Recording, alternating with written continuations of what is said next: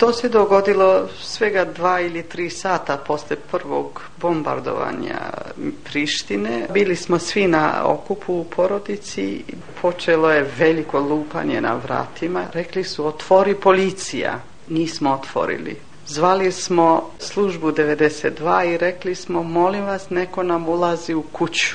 Tražimo vašu pomoć. Ovi su već ušli unutra. Oni su rekli tražili ste NATO, tražili ste republiku. Onda su nam naredili da legnemo po trbuške sa rukama iza glave, meni i starijem sinu.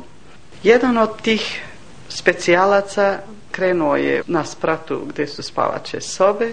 Vidjela sam da Bajram ide niz stepenice Čim je došao do zadnjeg stepenika, tu su ga udarila dvojica ovih specijalaca sa kundacima od puške i on se oborio, pa su mu rekli poljubi decu zadnji put. Iza Bajrama je se spustio i mlađi sin koji je Kuštrim, koji je imao svega 16 godina i 3 meseci. U 20 minuta do dva izveli su ih od kuće.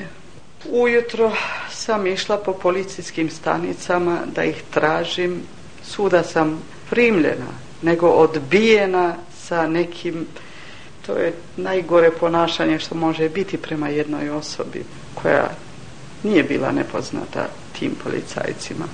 Onda sam išla u okružni sud kod sudije Danice Marinković jer je ona bila ambasador Beograda za montirane procese na Kosovu. Pa sam išla kod nje i rekla sam joj da mi pomogneš da mi nađeš Bajrama i sinove žive ili mrtve. Pravila se da ne zna ništa, a Danica je bila u jakoj vezi sa službom državne bezbednosti i sa Beogradom direktno. Ona je radila direktno po direktivi Beograda.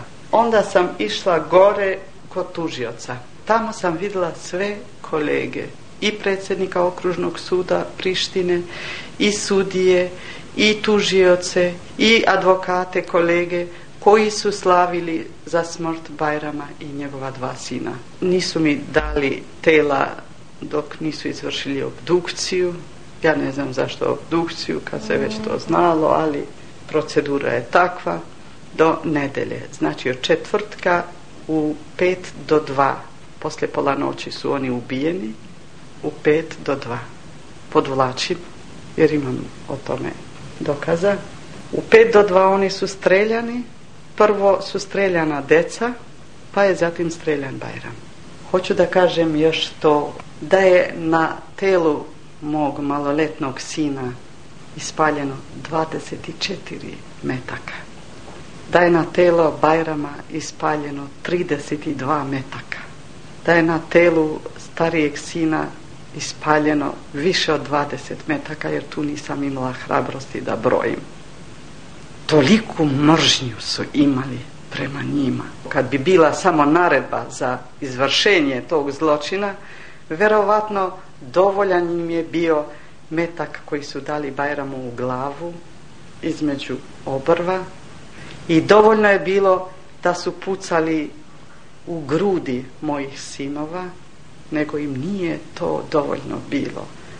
Oni nisu samo bili izvršioci nego su oni bili zločinci jer su kroz to pucanje izrazili ogromnu mržnju prema njima.